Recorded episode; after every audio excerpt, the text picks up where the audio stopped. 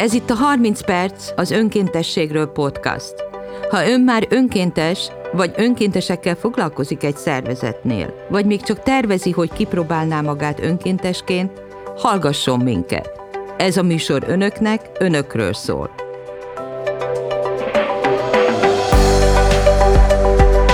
Az egyes műsorokban az önkéntes szemlében megjelenő tanulmányok alapján olyan gyakorlati, elméleti szakemberekkel, önkéntesekkel fogok beszélgetni, akik mindennapi munkájuk, önkéntességük révén alakítják, formálják a hazai önkéntes szektort.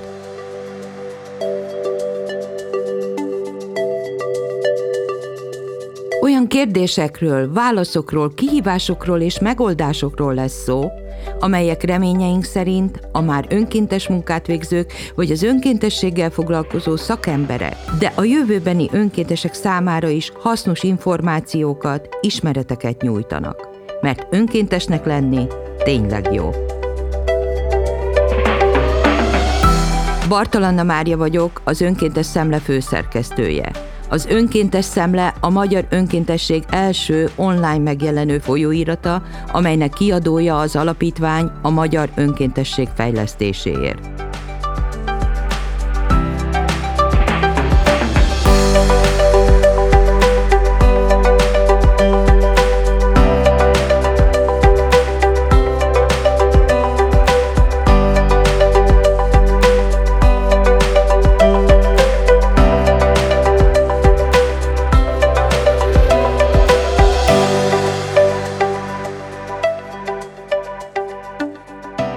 Kihívásokat és feladatokat jelent a menekültek ellátása a karitatív humanitárius szervezetek számára. Hogyan készült fel erre a katolikus Caritas? Ma 2022. március 24-én éppen egy hónapja kezdődött el az orosz-ukrán háború. Korábbi podcast adásunkat, amelyben az alulról szerveződő önkéntességet mutattuk be a menekültek megsegítésében, ott fejeztük be, hogy a Magyar Katolikus Karitász átvette az önkéntes szervezési feladatokat Barabáson. A mai adásban tehát már a szervezeti önkéntesség oldaláról mutatjuk be azokat a feladatokat, kihívásokat, amelyek a menekültek ellátásában felmerülnek. Zagyvari Hárdal, a Magyar Katolikus Karitas igazgató helyettesével beszélgetünk, aki éppen a határról jelentkezik be. Kedves Rihárd, mi éppen tíz évvel ezelőtt a Vörösi Szab katasztrófa társadalmi hatásvizsgálata című kutatás kapcsán találkoztunk. Önt akkor mindenki a Karitasos Zagyvari csiként emlegette a károsult településeken, ma már pedig a szervezet igazgató helyettese. Mielőtt rátérnénk a podcast témájára, szokás szerint egy rövid szakmai életút bemutatással szoktuk kezdeni. Hogyan lett életének része az önkéntesség, illetve hogyan került a katolikus karitas kötelékébe? Hát már diákként önkéntes feladatot vállaltam fel fogyatékkal élő gyerekek táboroztatásánál, és heti rendszerességgel jártam, hogy foglalkoztatás végezni náluk és hát ez a diákkaromat végigkísérte, és ezután elhatároztam, hogy a szociális munka területén szeretnék dolgozni is. Így szociális munkás is lettem, majd az igazgatás szervezési tanulmányokat is vállaltam a teológia mellett, így aztán az is meghatározó lett számomra, hogy mindezt a, a katolikus egyházon belül szeretném végezni, vagy ezt a szociális szolgálatot. És miként lett ebből a szakmai életútból hivatás és szervezeti karrier? Amikor még találkoztunk, ugye akkor végezte az egyetemet, és akkor volt a Vörösi Szab katasztrófánál önkéntes szervező, ha jól emlékszem? Nem, akkor már a, a Caritasnál uh, dolgoztam, csak a Veszprémi központban, Egyébként a szociális munkát a hajléktalanellátásban kezdtem, és később csatlakoztam a Caritashoz 2007-ben, és a 2010-es vörösi katasztrófa kapcsán pedig engem bizott meg az országos Caritas azzal, hogy koordináljam a mind az önkéntes munkát, mind pedig a szociális programokat, ami a vörösi katasztrófa kapcsán. Igen, és hogy lett ebből ma a szervezet igazgató helyettese? 2007-től 2015-ig a Veszprémi Egyszermegyei Caritasnak a igazgatójaként tevékenykedtem, és 2015-ben kaptam a felkérést az országos központtól, illetve a Magyar Katolikus Püspöki Konferenciától, hogy, hogy igazgató helyettesi feladatokat lássak el. És hát így 2015-től most ezt a feladatot igyekszem Mennyiben változott az élete, tehát ugye az igazgatási feladat az mennyire távolítja el a gyakorlati munkától, de úgy tudom, hogy most is a határon van, és az önkénteseket koordinálta. Igen, hát azért az, azt gondolom, hogy az életünk része a Caritason belül is, és minden segélyszervezetnél az, hogy az koordinációs szervezési munka mellett, egy szervezet vezetése mellett az operatív feladatokban is igyekszünk részt vállalni, akár a, a, a hétvégéken, a plusz időnkben, szabadidőn terhére. Tehát teszem ezt én is. Illetve az is fontos ilyenkor, hogy az adott helyen, ami ilyenkor fókuszba kerül, mint például a határnál, vagy Budapesten feltott segítőpontok, oda ilyenkor kihelyeződnek az országos feladatok. Itt találkozunk hivatalos szervezetekkel, döntéshozókkal, ide jönnek a sajtóképviselői, itt érdeklődnek nemzetközi szervezetek, akár a mi partner szervezeteink, tehát egyfajta vezetői feladat is áttevődik ilyenkor ezekre a, a területekre. Mennyiben élte meg veszteségnek, mert ha lehet azt mondani, hogy ugye a gyakorlati tett közelben sokkal kevésbé van otthon, és sokkal inkább hivatalosá és formálisá vált a munkája. Igen, én vállaltam ezt a feladatot, illetve ezt a szolgáltatást én hivatásnak érzek, azt úgy tettem, hogy szeretnék aktív részese lenni az emberek segítésének, és amikor ez egyre inkább szervezett, ez az én feladatomban szervezési, organizációs, koordinációs munkával, vezetői feladatokkal, a média előtt képviselni a szervezetet, döntéshozókkal partnerséget tartani, különböző önkormányzatokkal, karitatív szervezetekkel, kormányzati szervekkel, akkor ugye ez egy nagyon tipikus vezetői feladattá vált, és hát ezt én is meg szoktam élni veszteségként nagyon sokszor, hiszen nagyon hiányzik az a az a munka, amit mi sokszor terepmunkának jellemzünk, vagy az a szociális munka, amit akár egy-egy szociális konzultáció keretében rászoruló családokkal, vagy szükséget szenvedő családokkal végzek, vagy végeztem. És éppen ezért talán amikor katasztrófa helyzet van, migrációs krízis vagy hasonló humanitárius szituáció, akkor ilyenkor ezt mi, mi is megtapasztaljuk, hiszen a vezetői feladatok mellett ezekben a feladatokban is részt tudunk venni személyesen is. És hát mondhatom azt, hogy, hogy szinte önkéntesként is, hiszen például az elmúlt 25 napban, amióta itt a bázis működik Marabáson, tehát végezzük országszerte ezt a menekültek ellátását, ezt a feladatot. Azóta én is több helyszínen bekapcsolódtam a munkaidőn kívül, gyakorlatilag 5-6 napot nem voltam a határnál ebbe az elmúlt négy hétből, és hát ez ilyenkor, hogy mondjam, fontos számunkra, de egyrészt megérint minket is, engem is személyesen, a sorsok, az önkéntesek munkája, maga a, az itteni koordináció. Tehát, hogy valahogy ez a, ami azt gondolom, hogy az én életem része is az, hogy, hogy ilyenkor közvetlenül is tudjak kapcsolódni ez a szociális munkához, ami, amit végzünk.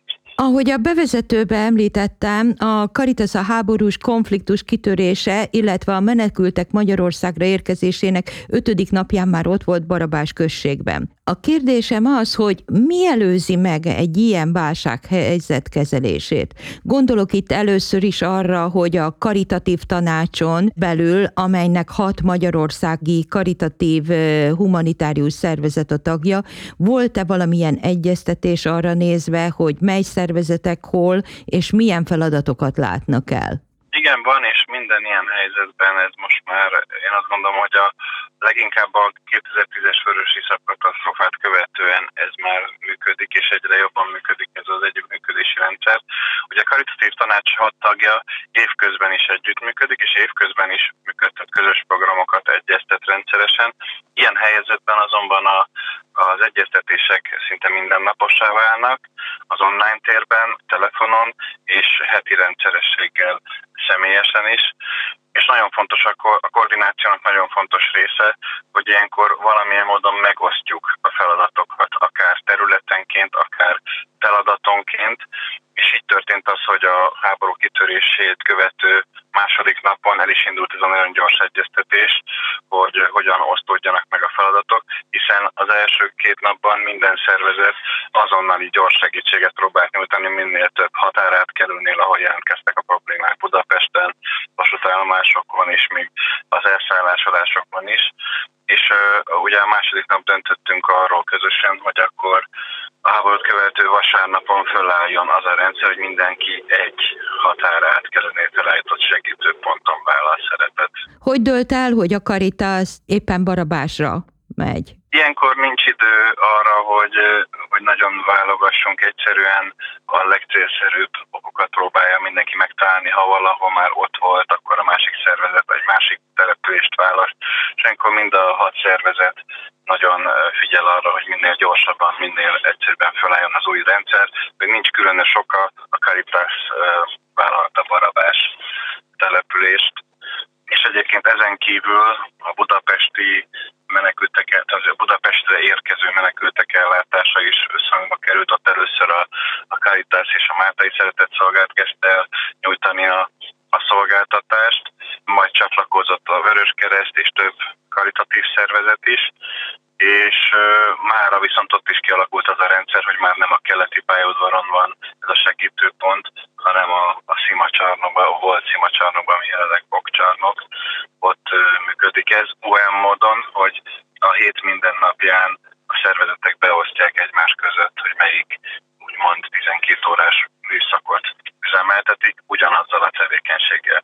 És ezek a az együttműködések ilyenkor tényleg nagyon koordináltak, hiszen, és nagyon fontosak, hiszen az történik, hogy ugyanazt a szolgáltatást tudja nyújtani a hét minden napján, éjszaka és nappal is, csak más szervezet munkatársai vállalják a a műszakokat. A következő kérdésem igazából az, hogy magában a szervezeten, a katolikus karitáson belül milyen szervezeti átcsoportosítási feladatokat jelentett ez, hisz tudjuk, hogy a Karitas az egyházmegyei összszervezeti leosztásba működik, tehát kellette, hogy vidékről följöjjenek önkéntesek, vagy elég volt a budapesti egyházmegye önkéntesei? Igen, ilyenkor mindig kell egy gyors szervezés, tehát ugye az, a humanitárius helyzeteknél az első hetekben mindig egy gyors reakció történik, egy gyors segélyezés, gyors feladatellátás, és akkor azt követi majd a hosszú távú feladatok szervezése, és amíg például egy árvíznél az elején a, a gyors segély az élelmiszer ivóvizet jelenti, a hosszú távú segély pedig a, a lakhatás biztosítását és egy hosszú távú szociális segély. Itt is valami nagyon hasonlóan néz ki, hogy azonnal meg kell oldani a helyzetet, a, a jelentkező problémákat, például ugye a pályaudvarokon, például a határnál érkező menekültek ellátás, például azon családok számára, akinek nincs hová menni, az ő elhelyezőségüket biztosítani, és ezt ilyenkor mi is úgy tudjuk megszervezni, hogyha átcsoportosítjuk a feladatokat máshonnan, kérjük az egyházmegyei karitás központok segítségét, nyilván bevonjuk a plébániai karitás csoportok regisztrált önkénteseit, és emellett hívunk még olyan segítséget, hogy meghirdetjük az a jelentkezést önkéntesek számára. Ugye jól látszik, hogy egészen más feladatok vannak Barabáson, és egészen más feladatok vannak ugye a, most már a Szimacsarnokban, de korábban a pályaudvarokon. Például Barabásra honnan tudták az önkénteseket toborozni, kik ők? Azt mondhatom, hogy háromféle csoportja van a Barabáson szolgáltatásítő önkénteseknek. Az egyik a akik igazából nem is önkéntesek, hanem a Caritasnak a munkatársai az országos központból és különböző egyházmegyei központokból, valamint intézményekből, de ők plusz feladatot vállalnak, amikor ide eljönnek. Illetve a másik csoportja az önkénteseknek a Tébáné Caritas csoport önkéntesei országszerte, akik jelentkeznek erre a feladatra, és a harmadik pedig azok a külső segítők, akik akár hívők, akár az egyházon kívülről érkezők, és egyszerűen csak látták a ezt a lehetőséget, hogy a Caritason keresztül van lehetőség önkéntes feladatra, és szeretnének bekapcsolódni a munkába. Ilyenkor, amikor kihelyeződik az önkéntes munka tulajdonképpen, akkor kettős feladat van, mert hogy az önkénteseknek is biztosítania kell a szállást, ellátást, nem csak a határa érkező menekülteknek, ugye? Így van, és ilyenkor ez nagy kihívást is jelent, hiszen a Caritas arra fel van ugyan készülve, hogy azonnal, akár napon belül bázist építsen ilyen helyzetekben, és meg is tesszük, meg is tettük most is, ugyanakkor ezek nem kényelmes, nem, nem komfortos körülmények, tehát fűthető sátrakat helyeztünk el az önkénteseink is, hát mi magunk elszállásolására is, raktársátrak kerültek kialakítás az adományok fogadására, és így tovább, és ezeket most a napokban váltotta föl egy hosszabb távú megoldás, amikor már kialakítottuk a kicsit jobb körülményeket, úgymond konténereket helyeztünk le, ami szállásként is funkcionál. Vendégházat tudtunk szerezni a környékbeli településeken, ahol már kényelmesebb és hosszabb távú lehetőség az önkéntesek körülményének a. Most hány önkéntes van len Barabáson? Jelenleg napi 12-15 önkéntes teljesít szolgálatot a nap közben, reggel 8-tól este 8-ig, és az éjszakai időszakban is 8-tól 8-ig, csak akkor kevesebben vannak, körülbelül 8 főt szoktunk betervezni, ez eddig elegendő volt ez a létszám, de mindig attól függ, hogy mennyi a menekülteknek a száma, akik érkeznek a határon, és mennyien térnek be a segítségpontra, akik a továbbutazásban, pihenésben, élelmezésben vagy az elszállásolásban kérnek segítséget. Egy ilyen önkéntes csoport az hány napig teljesít szolgálatot? Egy hetes, három napos? Hogy váltják egymást? teljesen változó, hogy a közelről érkező önkéntesek egy-egy napot, egy-egy műszakot is vállalnak, hiszen haza tudnak térni. A távolabbról érkezők viszont jellemzően két-három vagy maximum négy napot. Általában azt szoktuk javasolni, hogy a három-négy napnál több idő az ne legyen, hiszen nagyon kimerítő az önkéntesek számára is ez a, ez a feladat, mind lelkileg, mind fizikailag. Most vannak-e tolmácsaik az önkéntesek között? Ők is ugyanúgy ételt osztanak, információt osztanak? Mi a súlypontja? Illetve változott -e ez? Igen, hát az önkénteseknek különböző feladataik vannak, mint például adományválogatás, szelektálás, a úti csomagok készítése, a benti élelmiszerek feltöltése a melegedőben, teafőzés, a recepció működtetése az érkező menekültek számára, az utazás tovább szervezésében látnak el feladatok szálláskeresésben, és a maga családokkal történő foglalkozás a melegedőn belül, és még további ilyen feladatok, de talán ritka kincs most az önkéntes feladatok közül a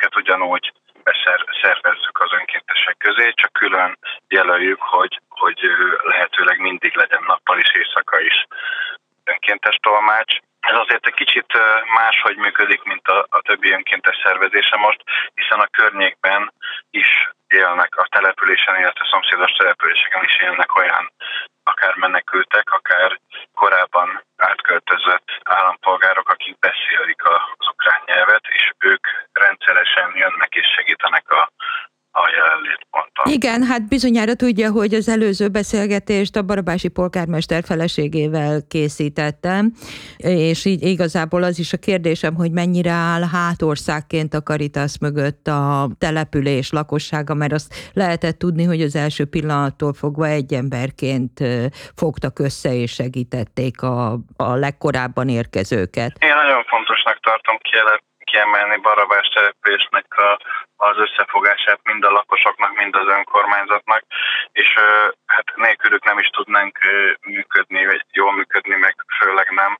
Tehát, hogy a, a, mind a polgármester úrral, mind az önkormányzati dolgozókkal nagyon szoros a, a kapcsolat, de a helyi lakosok is nagyon sokat tesznek azért, hogy, hogy a menekültek ellátása minél jobban történjen, hogy akkor bizonyára az is szóba került, hogy, hogy a, a lakosok maguk is nagyon sok menekült családot fogadnak be például a településen, Igen. hogy ők maguk is részt vesznek a melegedő működtetésében, szendvicsek készítésében, és így tovább. Hát igen, meg tudni lehet, vagy tudom az előző interjúkból is, hogy a környékbeli tanárok szintén ugye, aki, vagy akik korábban áttelepültek, már a kezdetektől fogva ott voltak tolmácsként.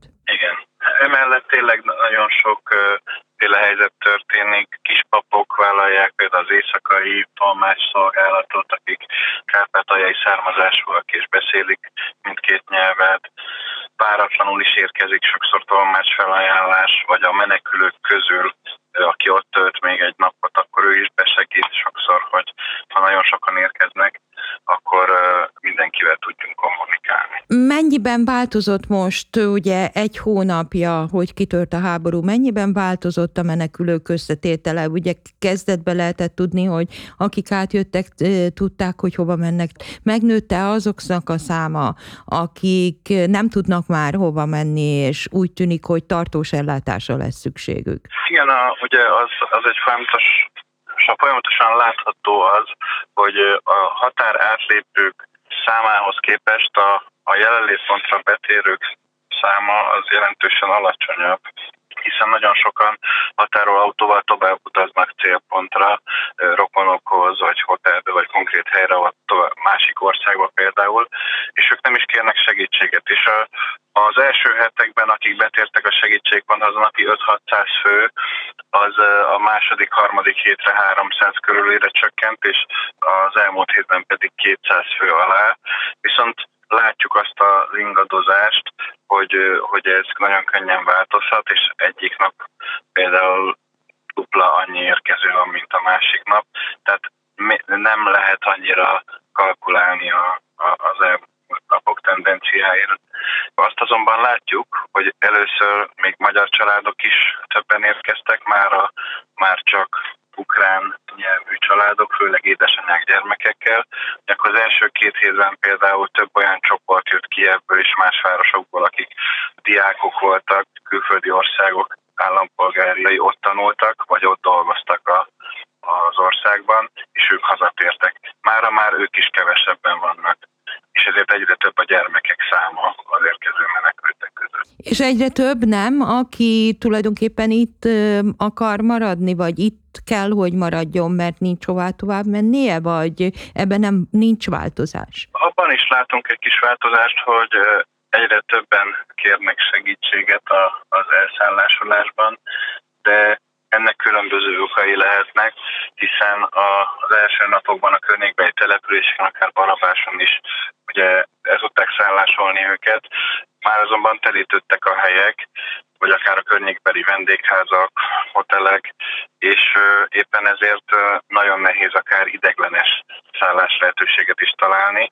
és akik eddig nem kértek segítséget, azok most ebben az időszakban az olyan családok most segítséget kell, hogy kérjenek az elszállásolás valamilyen formájában. És őket már ugye tovább viszik, vagy még mindig itt ezen a környéken próbálják ellátni? Az egy nagyon érdekes folyamat, és valamennyire látható, de nyilván folyamatosan fog változni a közeljövőben is, hogy az első két hétben az érkező családok még nem annyira azzal foglalkoznak, hogy hová tudnak tovább menni, mi lesz az ő sorsuk, hanem hogy biztonságos helyre kerüljenek akár rövid távon is, gyermekeiket biztonságban tudják, meg legyenek a megfelelő életfeltételek rövid távon, és azt követően kezdik kitalálni, hogy akkor Magyarországon szeretnének letelepedni, vagy esetleg másik országban, vagy vannak rokonaik, ahol őket szeretnének megkeresni valahol.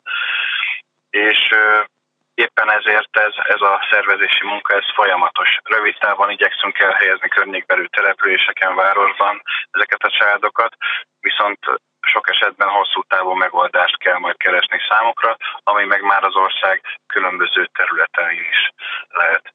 Ugyanakkor az is előfordul, hogy valamilyen másik határon, vagy másik határon érkeznek, és nem kerülnek velünk kapcsolatba a határon, vagy csak a budapesti segítőponton, vagy egyszerűen valahol megérkeznek valamik másba, és ott kérnek segítséget a, a Caritas-tól és más segélyszervezetektől, hogy segítsünk a, a szállás biztosításában. Igen, hát elég összetett helyzet ez. Milyen forrásból tudják biztosítani és ellátni a feladataikat, hiszen azt lehet tudni, hogy a március 5-i kormányinfo szerint a karitatív tanács tagjai 3 milliárd forintot kaptak, hivatalosan fogalmazva a humanitárius katasztrófa hatásainak mérséklésére és kezelésére. Van, tehát a segélyszervezetek azért alapvetően többféle forrásból végzik a tevékenységüket, így az ilyen humanitárius feladatokat is. Egyrészt a saját forrásaikból azonnal működtetni kezdik a programokat, így tettük mi is. Másrészt gyűjtéseket indítanak, így lehetőségünk van nekünk is az adományvonalon, vagy a különböző támogatási lehetőségünken, mint online adományozás, pénzügyi vagy pénzbeli adományjal támogatni minket. Akkor tárgyi adományok gyűjtése is elindult, és emellett kapcsolódik be a kormányzati támogatásoknak a rendszere, valamint más segélyszervezetek, például a Caritas nemzetközi hálózatának majd a hosszú távú programjai, amik majd ezután következhetnek velünk együttműködésben, és ott vannak még a vállalatok, cégeknek a felajánlásai is. Tehát azt lehet mondani, hogy ezt egyébként lehetett látni a Börösi Szab katasztrófánál is, de azt lehet mondani, hogy most ebben a háborús helyzetben is, vagy ebben a humanitárius segítségnyújtásban is, ugye van egyszer a, a kormányzati támogatás, van a Caritas saját program támogatása, vannak az adományok, és vannak a vállalati, a magánadományok, és vannak a vállalati adományok. Tehát ugye mindig egy ilyen négy forrású bevételi forrása volt a szervezetnek, nem?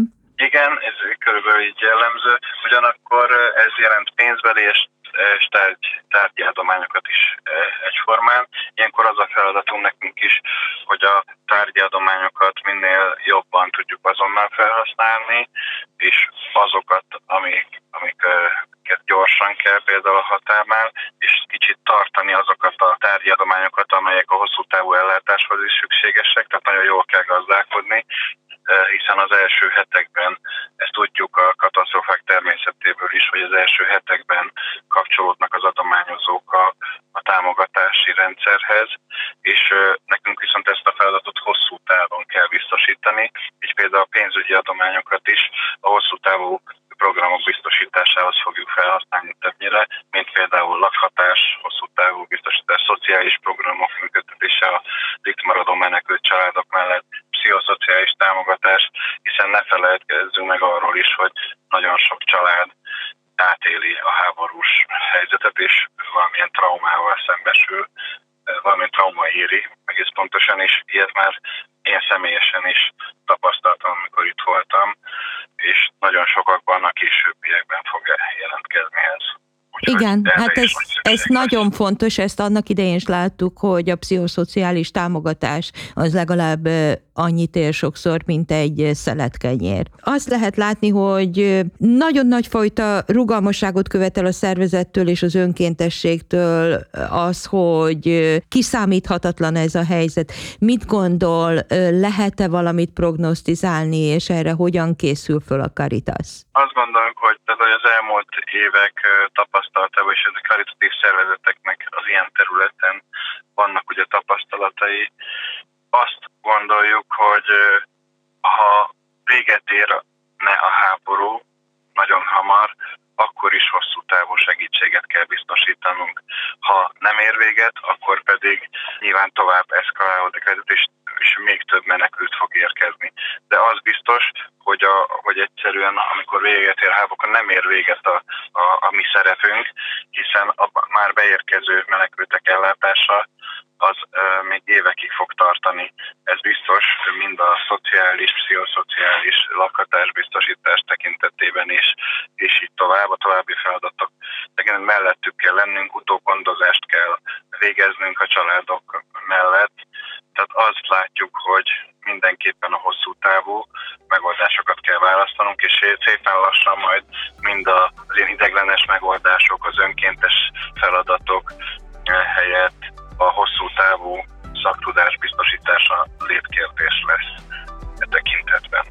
Nagyon szépen köszönöm, Richard, és nagyon örülök, hogy össze tudtuk hozni ezt a beszélgetést.